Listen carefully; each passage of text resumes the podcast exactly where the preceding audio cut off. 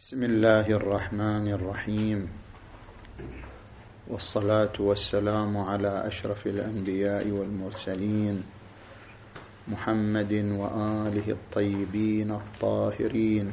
اللهم صل على محمد وآل محمد البحث في أن العقل العملي هل له صلاحية إصدار حكم مولوي في حق الله تبارك وتعالى؟ هل للعقل العملي أن يقرر أن خلق الله للخير حسن وخلق الله للشر قبيح هل للعقل أن يقرر أن إدخال النبي المصطفى صلى الله عليه وآله إلى النار قبيح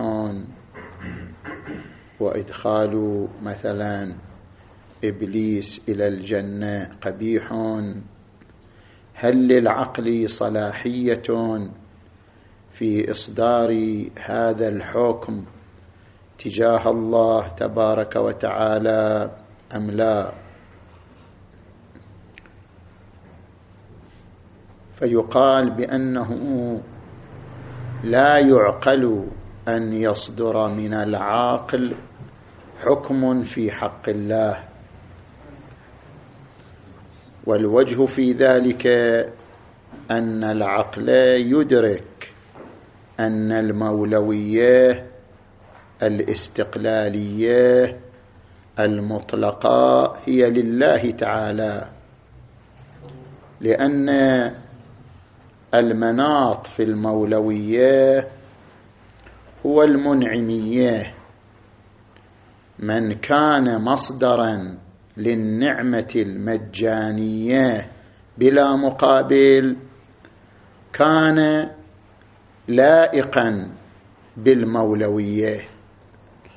من كان مصدرا للنعمة المجانية بلا مقابل كانت له صلاحية المولوية.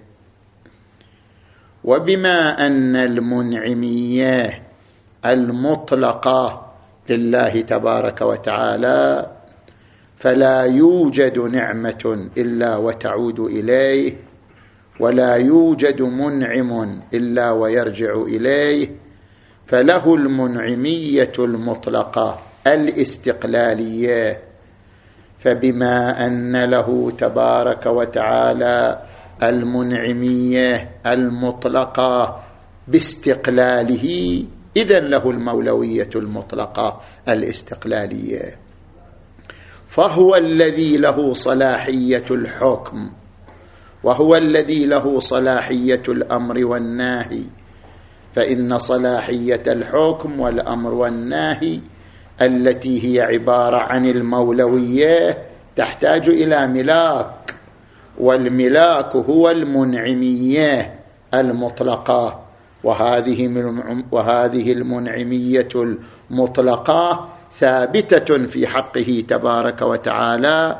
اذا هو الذي له منصب المولوية. ويتفرع على أن له المولوية أن العقل يحكم بحق الطاعة بما أن له المولوية تبارك وتعالى. اذا له حق الطاعة على عبده. فما دام العقل يدرك أن من له المولويه المطلقه هو الباري تعالى اذا لا يتأتى من العقل أن يصدر حكما مولويا تجاه من هو مولى له. يعني هذان الأمران لا يجتمعان. لا يعقل أن يصدر من العقل مع اعترافه بأنه عبد مع اعترافه بأنه مولى عليه فمع إقرار العقل والتفاته إلى أنه عبد مولى عليه لا يعقل أن يصدر منه حكم مولوي تجاه من هو مولى عليه. فمتى التفت العقل إلى أن لله تبارك وتعالى موقع المنعميه المطلقه أدرك العقل أن لله تبارك وتعالى منصب المولويه المطلقه وإذا أدرك العقل أن له تعالى منصب المولويه المطلقه لم يعقل لم يعقل أن يصدر منه حكم مولوي تجاه الله تبارك وتعالى. فهذا خلف إدراكه أنه عبد وأنه مولى عليه وأنه ليس وليا. اذا ما حقيقة حكم العقل بأن فعل الله للخير عدل حسن؟ وفعل الله للشر ظلم قبيح. كيف يصدر العقل هذه الأحكام تجاه الباري تبارك وتعالى مع أنه يدرك أن ليس له شأن أن يصدر حكما مولويا تجاه الله؟ ما دام عبدا مولى عليه وليس مولان. الجواب عن هذه النقطة عن هذا السؤال. يرتكز على تحليل الحسن والقبح العقليين اللذين يصدران مما يسمى بالعقل العملي. فلأجل ذلك نذكر هنا مقدمتين. المقدمة الأولى في تحليل المدارس والاتجاهات في الحسن والقبح العقليين. فإن في الحسن والقبح العقليين توجد عدة اتجاهات أهمها أربعة اتجاهات. الاتجاه الأول أن الحسن والقبح قضايا مرتسمة في الواقع. ليس دور العقل تجاهها إلا الإدراك المحض وليس شيئا آخر. بيان ذلك أن العاقل ليس من شأنه الحكم. العقل أساسا ليس دوره إلا الإدراك. العقل مجرد مدرك لما في صفحة الواقع. وليس شأن العقل أن يصدر حكما. لا تجاه الله ولا تجاه أي شيء آخر. أصلا ليس من شأن العقل إلا الادراك الماحض لما هو الواقع. وليس من شأن العقل أي حكم أي باعثية أي زاجرية أي محركية.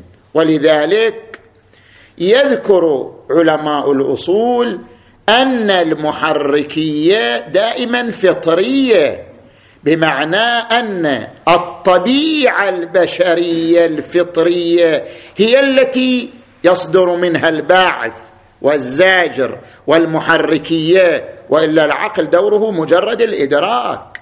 مثلا في مسألة دفع الضرر المحتمل يقول علماء الأصول العقل يدرك احتمال الضرر لكنه لا يحرك نحوه ولا ولا يزجر عنه وإنما الزاجرية للطبيعة الفطرية التي لدى الإنسان. إذا أدرك العقل أن في الطريق الكذاء ضررا مقطوعان مظنونان محتملان في طول إدراك العقل تأتي القوة الفطرية الطبيعية لدى الإنسان تزجره عن سلوك هذا الطريق. فالمحركية والزاجرية تعود للقوة الطبيعية الفطرية في الإنسان وليست من شأن العقل. ليس شأن العقل إلا الإدراك لما في صفحة الواقع. غاية ما في الباب.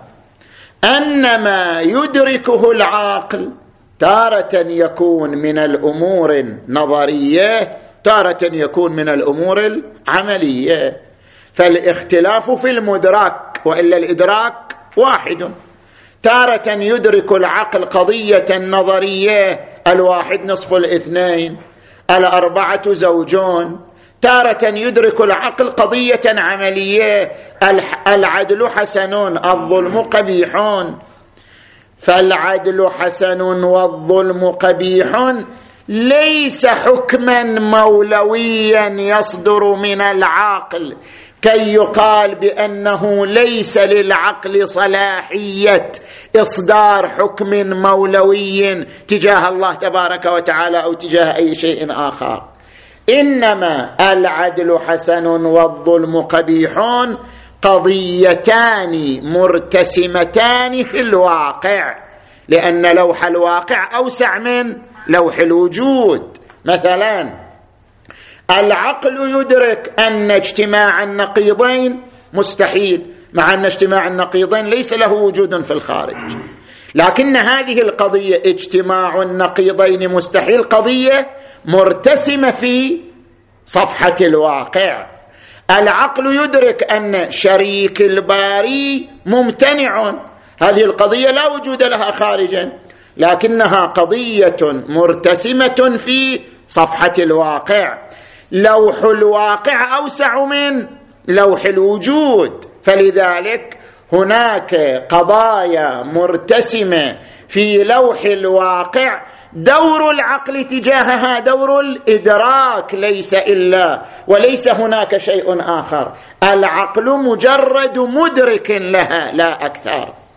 فكما أن اجتماع النقيضين محال قضية مرتسمة في الواقع يدركها العاقل كذلك قولنا العدل حسن الظلم قبيح قضيتان مرتسمتان في صفحة الواقع العقل مجرد مدرك لهما لا أكثر من ذلك.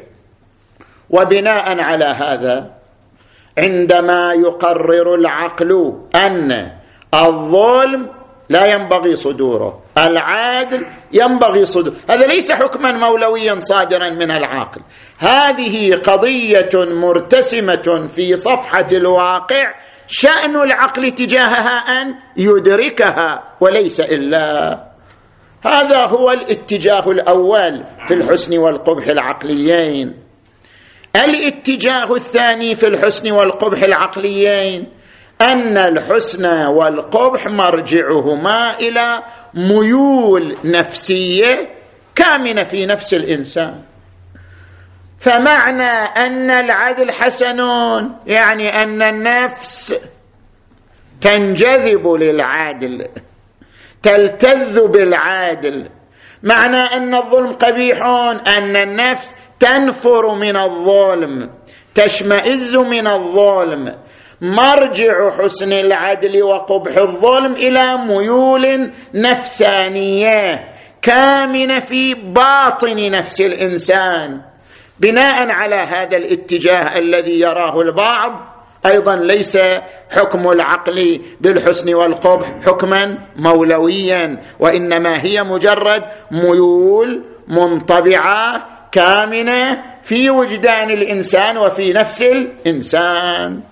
الاتجاه الثالث. أن الحسن والقبح العقليين مرجعهما إلى قضايا فطرية جبل عليها الإنسان. يعني هذه القضايا نسلم أنها قضايا إنشائية. قضايا إنشائية. العدل ينبغي صدوره. الظلم لا ينبغي صدوره. قضيتان إنشائيتان لكن هاتين القضيتين الإنشائيتين جبل عليهما الإنسان بفطرته. الإنسان جبل بفطرته على حب أمه وأبويه. الإنسان جبل بفطرته على شكر المنعم. الإنسان جبل بفطرته على دفع الضرر المحتمل. الإنسان جبل بفطرته على هذه القضايا التي نسميها حسن العدل وقبح الظلم.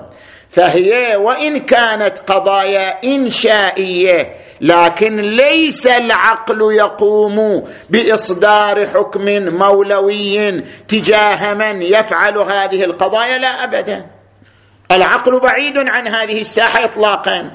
هاتان قضيتان إنشائيتان جبلت عليهما فطرة الإنسان أودعتا في صميم فطرة الإنسان.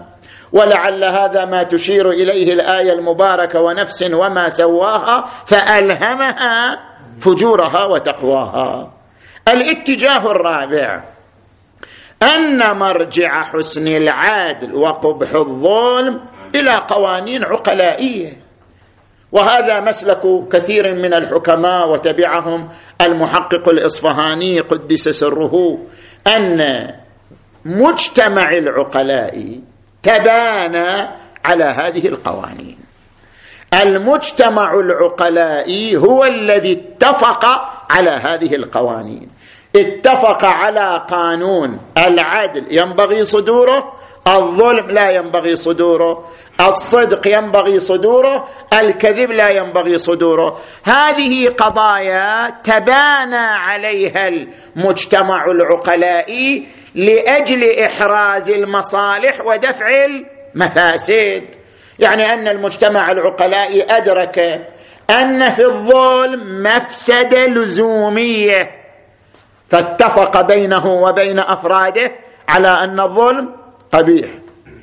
المجتمع العقلائي أدرك أن في العدل مصلحة لازمة ضرورية فتبانى بينه وبين أفراده على أن العدل حسن يعني ينبغي صدوره.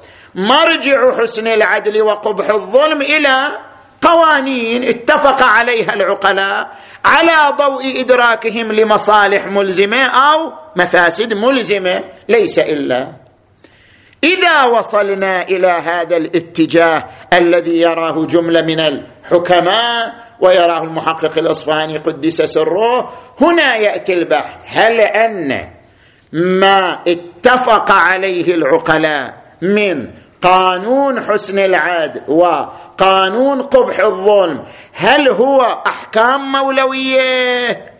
كي يقال كيف يصدر من العقلاء بما هم عقلاء أحكام مولوية تجاه الخالق تبارك وتعالى مع إدراكهم أن.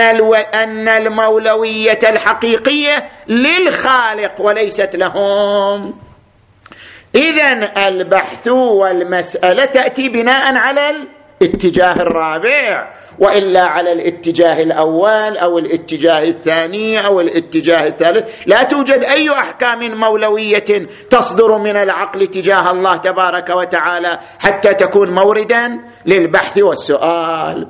نجي إلى الاتجاه الأخير. ندخل تحت. ندخل في المقدمة الثانية. المقدمة الثانية.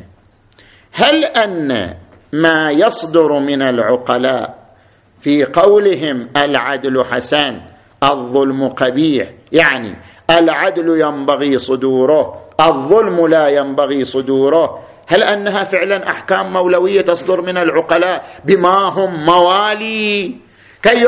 كي يقال بأنه لا يعقل توجه هذه الأحكام نحو الباري تبارك وتعالى أم لا؟ هذا هو مركز السؤال. فنقول هذا ليس صحيحا. هناك أمور ثلاثة لا بد من توضيحها حتى يتبين لنا أن ليس هناك أحكام مولوية تصدر من العقلاء في مسألة الحسن والقبح العقليين.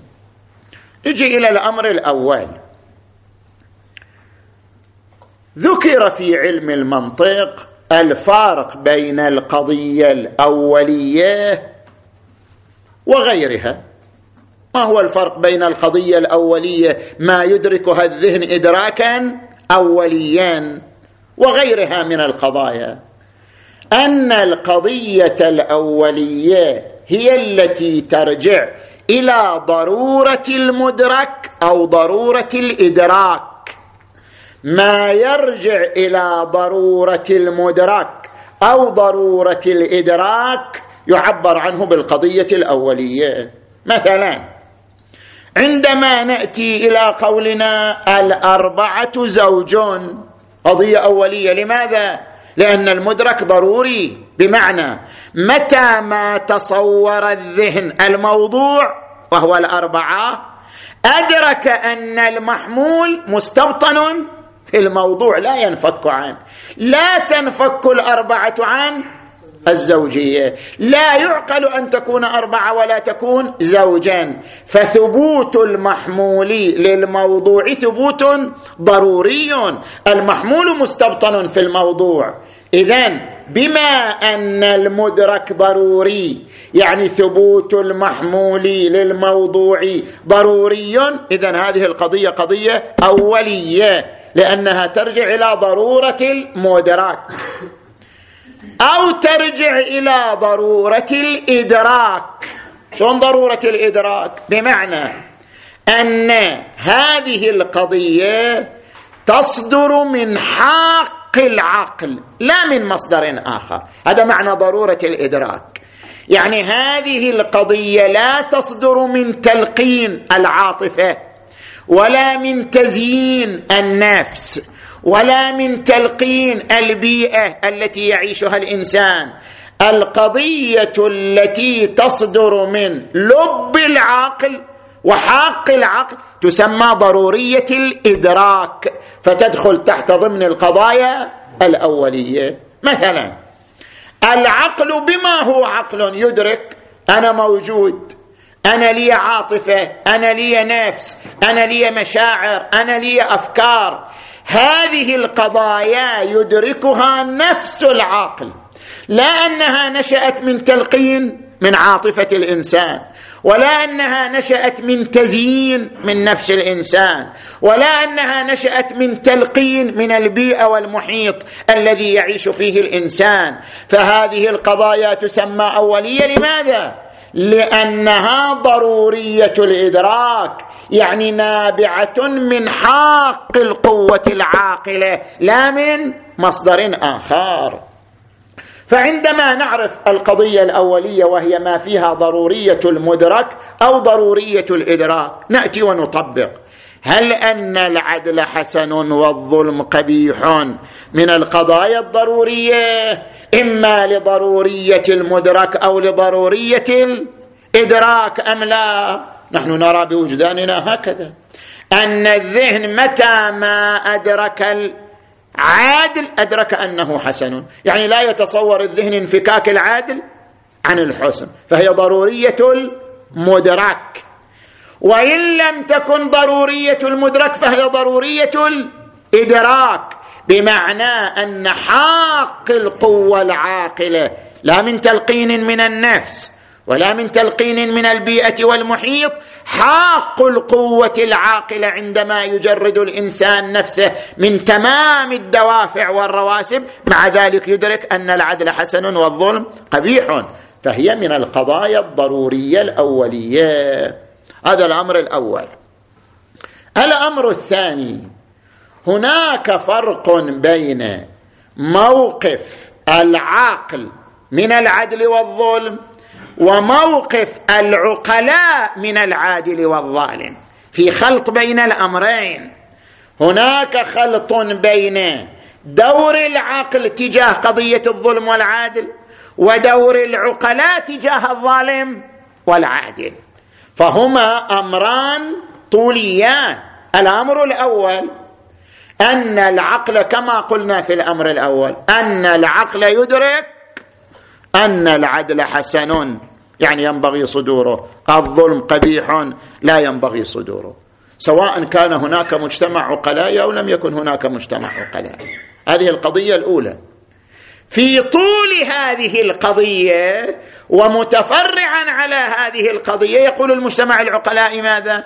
يقول تجاه الظالم هذا الذي فعل الظلم مع إدراكه أن الظلم قبيح هذا مستحق للذم.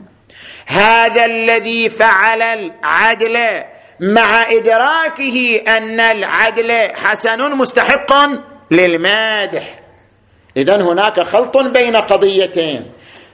نعم عند العقلاء بناء واتفاق. لكن هذا البناء واتفاق على القضية الثانية. وأما القضية الأولى فهي من مدركات العقل لا من بناءات العقلاء واتفاقات العقلاء.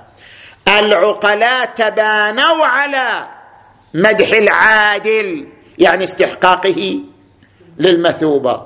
تبانوا على ذم الظالم يعني على استحقاقه للعقوبة. هذا نعم هذا موقف عقلائي مولوي لكن هذا الموقف العقلاء المولوي موقف متفرع على الموقف الأول وهو موقف العقل تجاه قضية العدل والظلم.